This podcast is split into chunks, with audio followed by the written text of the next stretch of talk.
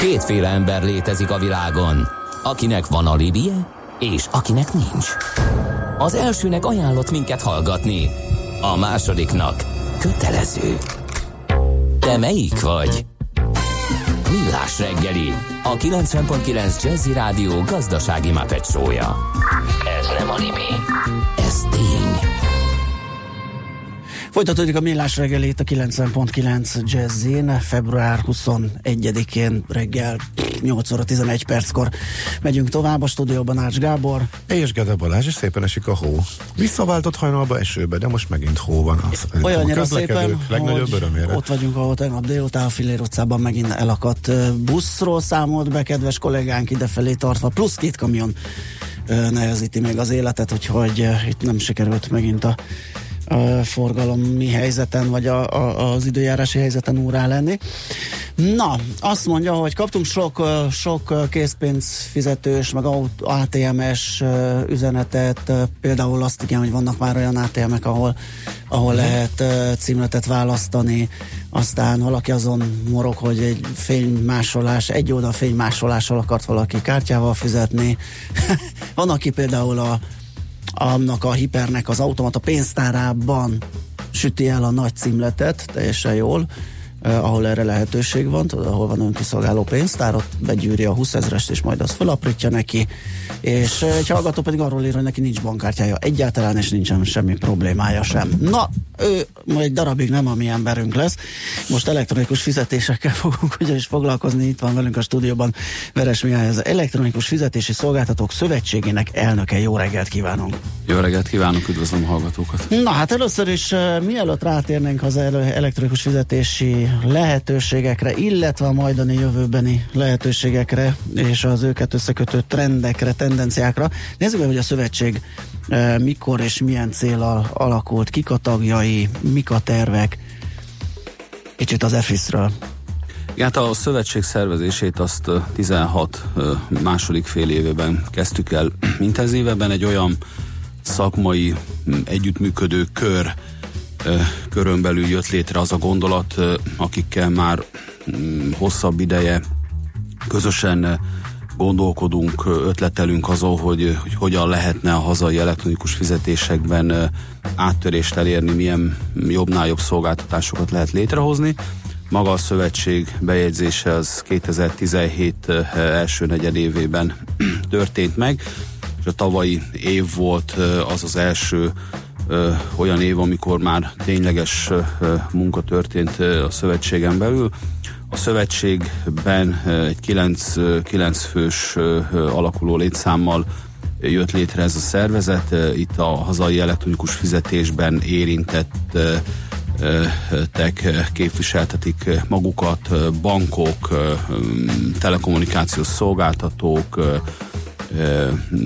olyan szolgáltatók, akik a, a fizetési rendszerek mögött vannak, tehát itt értem az alatt akár a Zsíró ZRT-t is, illetve ami egy, megint csak egy ilyen színes képet ad a szövetségről, hogy, hogy egyaránt megjelentek az állami oldalon lévő meghatározó szereplők, illetve a, a piaci oldalon lévő meghatározó szereplők, tehát ez egyfajta ilyen találkozási pont is volt az állami, illetve a piaci szereplők között. Uh-huh.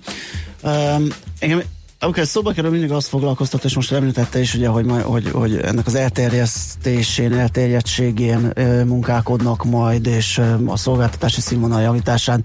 Azt hogy lehet megoldani, ugyanis egészen hihetetlen történeteket hallok még, hogy emberek miért nem használnak elektronikus fizetési e, megoldásokat. Egy, sokakban egy óriási félsz van, egy ilyen bizalmatlanság ez iránt. Tehát azt gondolom, hogy itt egy óriási ilyen tájékoztatási, kommunikációs, edukációs hadjáratot is kell uh, Tehát még a legegyszerűbb majd.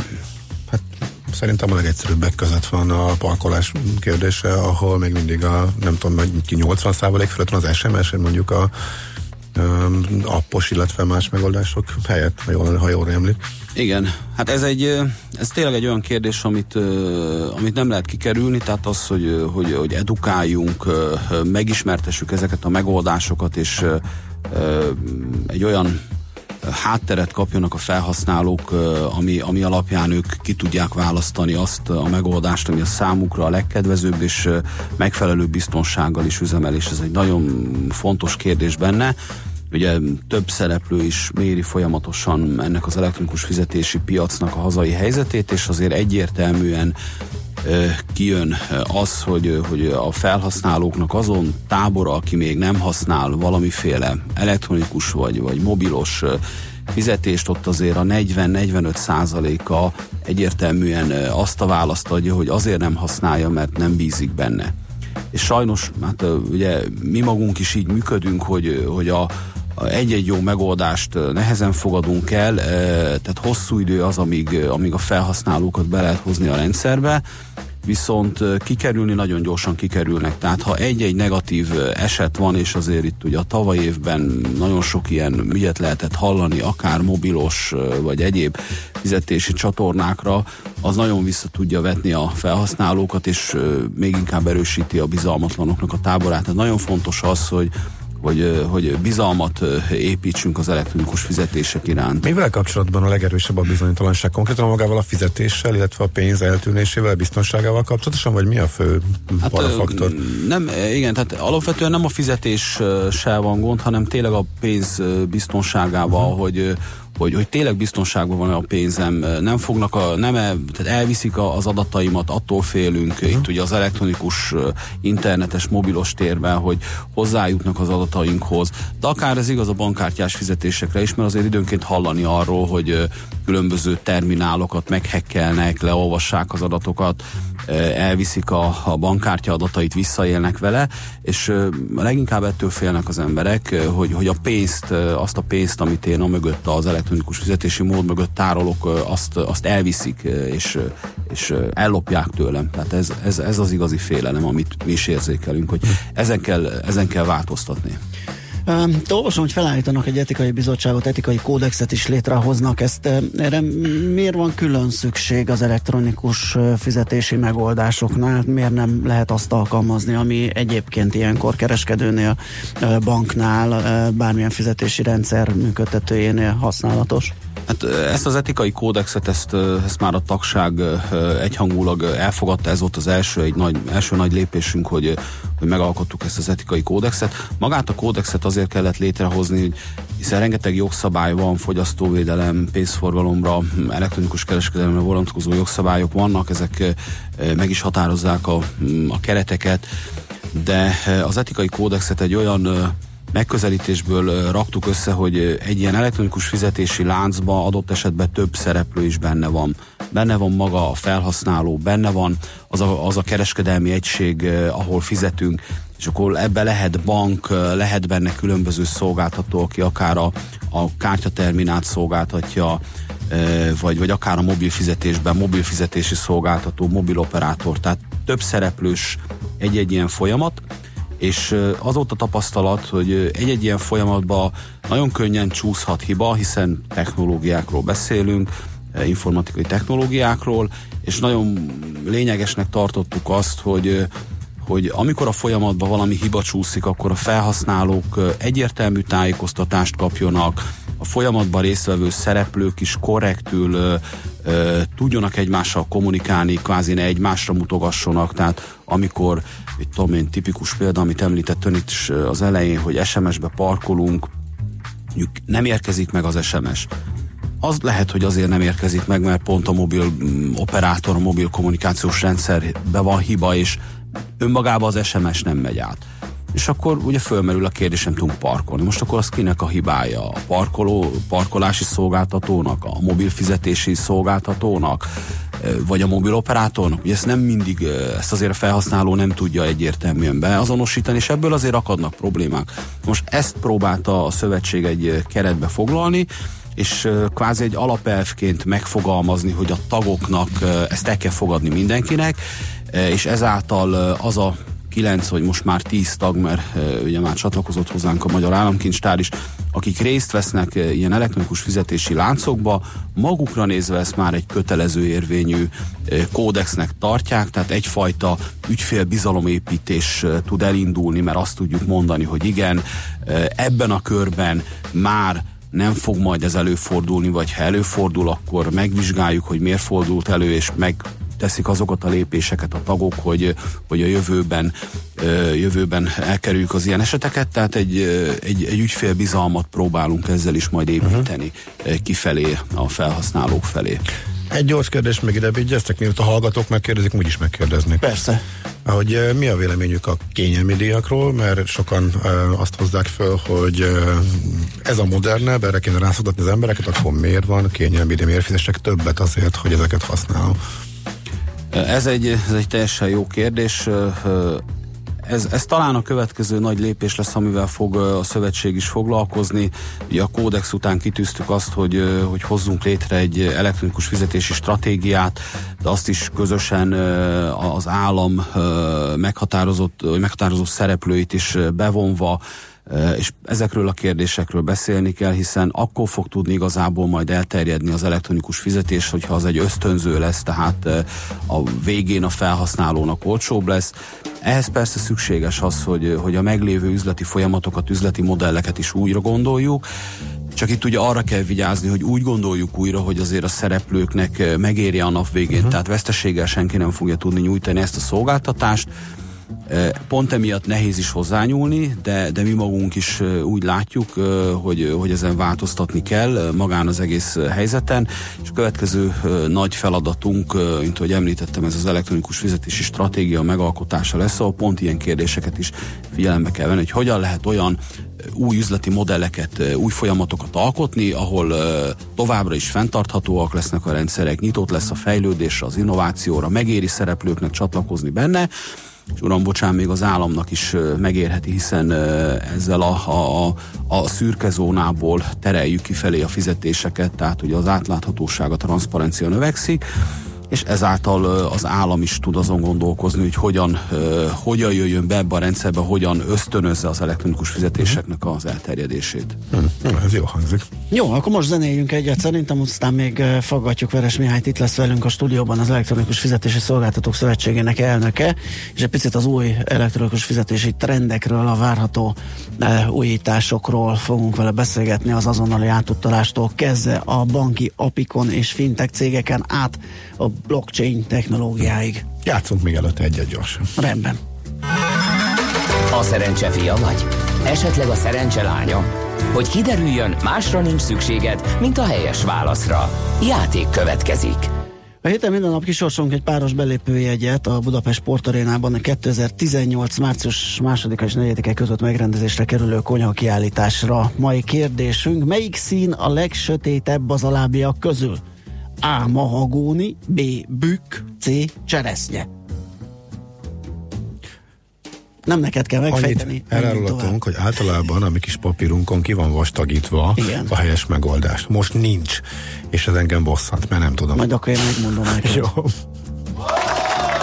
A helyes megfejtéseket ma délután 16 óráig várjuk a játékkukat jazzy.hu e-mail címre. Kedvezzem ma neked a szerencse!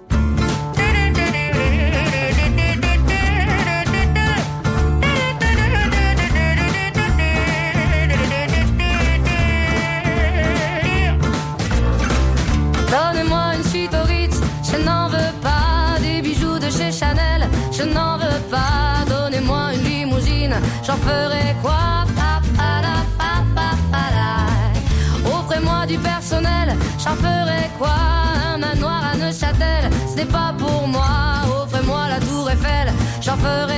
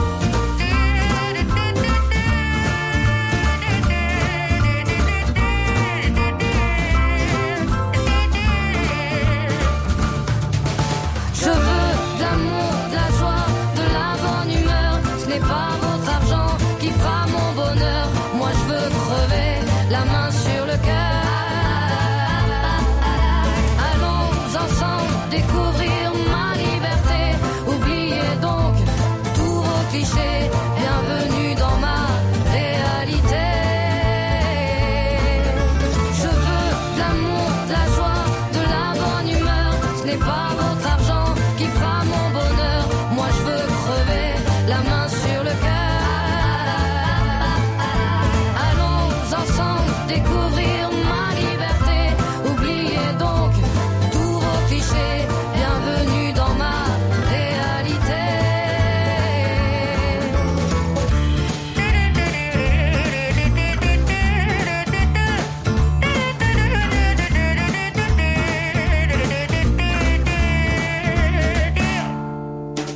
Megyünk tovább a millás reggelével itt a 9.9 Jazzin elektronikus fizetésekkel foglalkozunk. Bemutattuk az EFIS-t, akinek az elnöke. Itt van velünk személyesen Veres Mihály. És most egy picit a magával az elektronikus fizetés változásával, trendjeivel foglalkozunk. Én azt gondolom, hogy jó, három jól azonosítható ö, fordulópont előtt állunk, vagy fejlődési szint előtt állunk. Hogyha jól mondom az időbeli sorrendet, akkor talán a PSD2 az első, utána az azonnali fizetési megbízások létrehozása az talán 2019 köré datálható, és nyilván a sor végén valahol egy, egy bizonytalan ö, ö, határidővel a blockchain technológia ö, térnyerése. Kicsit nézzük meg, hogy hogyan állunk ezekkel, hogyan haladunk, minden az ütemterv szerint halad, de Kezdjük akkor a banki apik megnyitásával, ugye, ami azt teszi lehetővé, hogy fintech cégek fejlesztenek gyakorlatilag a banki adatbázisra bármilyen pénzügyi megoldást. Igen, ez, a, ez az új pénzforgalmi irányelv, ez a PSD2, ezt az Európai Unió gyakorlatilag azért indított el, hogy egy, egy innovációs teret nyisson a, a banki világban, ami ugye két, két fontos ö, iránya vagy ága nyílik meg itt a, a banki világnak a PSD2-vel. Az egyik a számlainformációk, tehát majd jogosultságot adhatok egy, egy külső alkalmazásnak is arra, hogy az én számlámról forgalmi számlainformációkat gyűjtsön össze, és azt mindenféle módon feldolgozza, és erre szolgáltatást építsen. A második ilyen irány az pedig maga a fizetési kérelem, amikor egy külső fél is tud az én bankszámlámról folyószámlámról fizetési tranzakciót indítani, tehát ezt foglalja össze ez a PSD2 irányelv. Ezeknek a bevezetése ez folyik, itt még ugye van egy van egy nyitott kérdés a, az azonosítás kapcsán, hogy a felhasználói a hitelesítéseket hogyan, milyen módon kell végezni. Ez ugye az Európai Bizottság hatásköre ezt valamikor a, a első negyed év végén le fogják zárni és utána teljes lesz ez az irányelv csomag, és ugye erre kötelezettséget kell adni, tehát ez egy kötelező elem, ezt be kell vezetni a bankoknak. Ugyanakkor nem szabad megfeledkezni arról, hogy ez egy, ez egy lehetőség lesz, hiszen ugye a bankok ki fogják nyitni a, a rendszereiket, tehát kvázi ilyen apikon keresztül hozzá lehet férni külső szolgáltatóknak. Itt lesznek bizonyos felügyeleti engedélyek is, tehát nem férhet bárki bármilyen módon hozzá, tehát azért ez egy nagyon szabályozott keretek között kell, hogy menjen, de azért ez egy nyílt világ.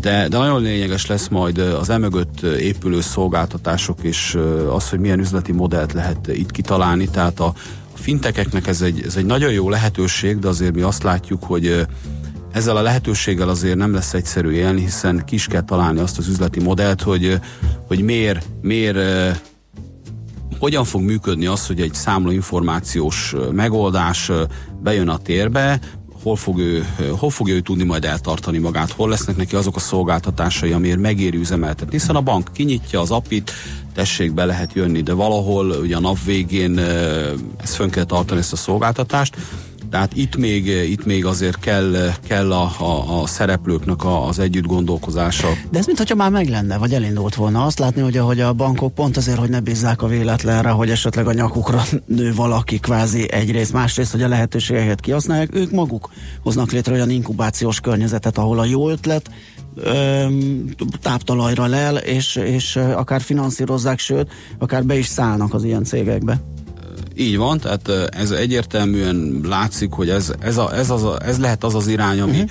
ami a fintekek számára is nyerő lehetett, amikor maga a bank, a nagy pénzügyi szolgáltató az, aki, aki ezeknek kinyit egy ilyen inkubációs teret, erre itthon is nagyon jó példákat látunk. Ebbe egyébként szerintem európai szinten is élen járó példáink vannak, illetve az az inkubációs közeg, amit itt a hazai bankszektor szereplői kialakítottak, ez, ez európai mércével is ott a top, top háromba sorolható. És a fintekeknek is az egyik, egyik csábító irány az az, hogy, hogy a megoldásaikat a bankok fogják behúzni maguk mellé, vagy nagyon sokszor ugye a bank indít egy-egy ilyen inkubációt a saját cégcsoportján belül, tehát erre is nagyon sok példát látunk. Hát várjuk, várjuk azt, hogy amikor ez, a, ez a, az, az irányelv, ez, ez ténylegesen uh-huh. bejön, és ténylegesen nyitni kell, igazából majd a felhasználók be fogják árazni ezeket a megoldásokat, hogy milyen megoldást használunk, mit nem, és valahol ez fogja majd azt a, a fenntarthatósági egyensúlyt is kialakítani, hogy ki fogjuk választani azokat a megoldásokat, ami nekünk tetszik és jó, és azt használni is fogjuk. Világos. Azonnali átutalás, ez is itt van a nyakunkon, és óriási változást hozhat. Másodperceken belül lehet fizetni, ugye, mint minden elektronikus fizetési megoldás, ugye a fehérítését segíti a gazdaságnak, hiszen nyomot hagynak maguk után a delikvensek. Azt hiszem, hogy ez egy igazán nagy előrelépés lehet, hiszen például gondoljunk bele, hogy a a, egy előleg fizetésnél, amit eddig zsebből egy kötek bankóval kellett megtennie a kereskedőnek, azt most egy telefonról egy azonnali átutalással megoldhatja majd. Hogy állunk ezzel? Minden időben van? Hát, az instant payment ben megint csak szerintem egy szerencsés csillagzat állt össze Magyarországon, hiszen itt egy olyan környezet fog kialakulni, amit, amit kötelező bevezetni. Ugye Európába, illetve a világ számos országában vannak már fejlett uh-huh. instant payment szolgáltatások. Sok esetben ezeknek az volt a, a, hátránya, hogy, hogy mivel gyakorlatilag üzleti alapon került bevezetésre, ezért nem került minden szolgáltató integrálásra ebbe a rendszerbe, ezáltal ugye a felhasználóknak voltak olyan csoportjai, akik nem vannak a rendszerben, voltak, akik nem. Magyarországon ez egy kötelező elemez, tehát itt mindenkinek be kell lépni ebbe az instant payment rendszerbe, és ezáltal ugye az garantálva lesz, hogy egy 10 millió forint alatti tranzakciók tényleg 5 másodpercen belül a számlára tudnak kerülni, és ezt, ha belegondolunk, hogy ez mit jelent, és ez milyen, milyen gazdasági lépés lesz, és milyen jelentős gazdasági lépés, hiszen egy kiskereskedő ma adott esetben három-négy napig is hitelez a vevőnek, hiszen bemegyünk pénteken, fizetünk bankkártyával, ugye hétvégén már, már nincs ö, ö, átterhelés, és jobb esetben mondjuk kedden megkapja a pénzt, tehát gyakorlatilag négy napig hitelezett. Na most ezek az instant payment megoldások viszont azt fogják eredményezni, hogy szombat délelőtt bemegyek, megveszem a két kiflimet, öt másodperc múlva ott van a, a pénz az eladó számláján, tehát... Kérdés, hogy szoktatják rá, a, nyilván a kis kereskedőnek az az érdeke, hogy átálljon Persze. az ügyfél, de akinek viszont a bankkártya megszokta és ahhoz ragaszkodna. Ez még egy érdekes De akár nekem lesz, egy persze. kedvenc példám az autóvásárlás, ugye mindig ezt, ezt hozom fel az instant payment rendszerek előnyeinél hogy, hogy megveszek valakitől egy autót szombaton, vagy vasárnap 10 órakor megegyezünk, és gyakorlatilag ott helybe, uh-huh. ha értékhatár alatt van, ki tudom fizetni, és gyakorlatilag egy mobiltelefonos alkalmazásokkal le tudjuk zongorázni. Tehát ez úgy gondoljuk, hogy, hogy nem, csak, nem csak a gazdaság fejlesztésnek adhat egy új dimenziót, hanem, hanem tényleg a felhasználóknak is illetve rengeteg szolgáltatást fog tudni magával húzni, és gyakorlatilag ma azt látjuk, hogy, hogy azzal, hogy ez jövő évben bevezetésre kerül, sokkal jelentősebb lépésnek tartjuk, mint a PSD2, hiszen ez Magyarországon egy, egy kötelezően bevezetendő elem lesz, tehát innentől fogva az azonnali fizetés meg fogja adni gyakorlatilag a, a pénzforgalmi irányelvek mögött lévő lehetőségeknek is a, azt, hogy, hogy ténylegesen lesz miért használni az elektronikus rendszereket, mert itt, mert itt az a probléma, hogy önmagában, hogy lehet elektronikusan fizetni, az, az egy adottság, de a felhasználónak kell az az élethelyzet, hogy miért is használjam, uh-huh. hogyan használjam. Na és ezekben az azonnali rendszerekben ezért ez megvan, tehát ez, ez egy uh-huh. jelentős löketet fog tudni adni.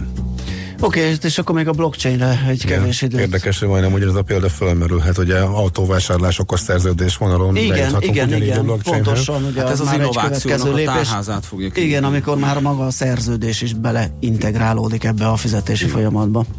Uh, hogy állunk ezzel? Mennyire foglalkoznak ezzel a, a bankok, vagy akár a szövetség tagok, akikre rálátásuk van? De ez, ez megvan a, a, az együttműködő körben. Gyakorlatilag ez, ezek voltak azok a gondolatok, amiért maga létre is jött a szövetség, hiszen amikor 15-ben, 16-ban különböző innovatív megoldásokat kerestünk ebbe az együttműködő partneri körbe, gyakorlatilag így értünk el oda, hogy igen, ezt valamilyen módon össze kell fogni, és ezek miatt jött létre a szövetség, hogy meg kell teremteni a kereteit, ugye kódex van, stratégiát kell írni, és akkor gyakorlatilag egy, egy, egy olyan egészséges mederbe lehet terelni ezeknek a rendszereknek a fejlesztését, ahol egy kiszámítható pálya van, kiszámítható gazdasági pálya van a szereplőknek, a fintekeknek, a bankoknak, és akár a felhasználóknak is, hiszen látják, hogy mit lehet elérni, meg lehet őket kérdezni, tehát egy, egy, egy jó működő ökoszisztémát lehet ebbe eh, létrehozni, és eh, az innováció ez, ez benne lesz, és gyakorlatilag ezek az új technológiák, akár a blockchain, vagy, vagy ami erre majd ráépülhet,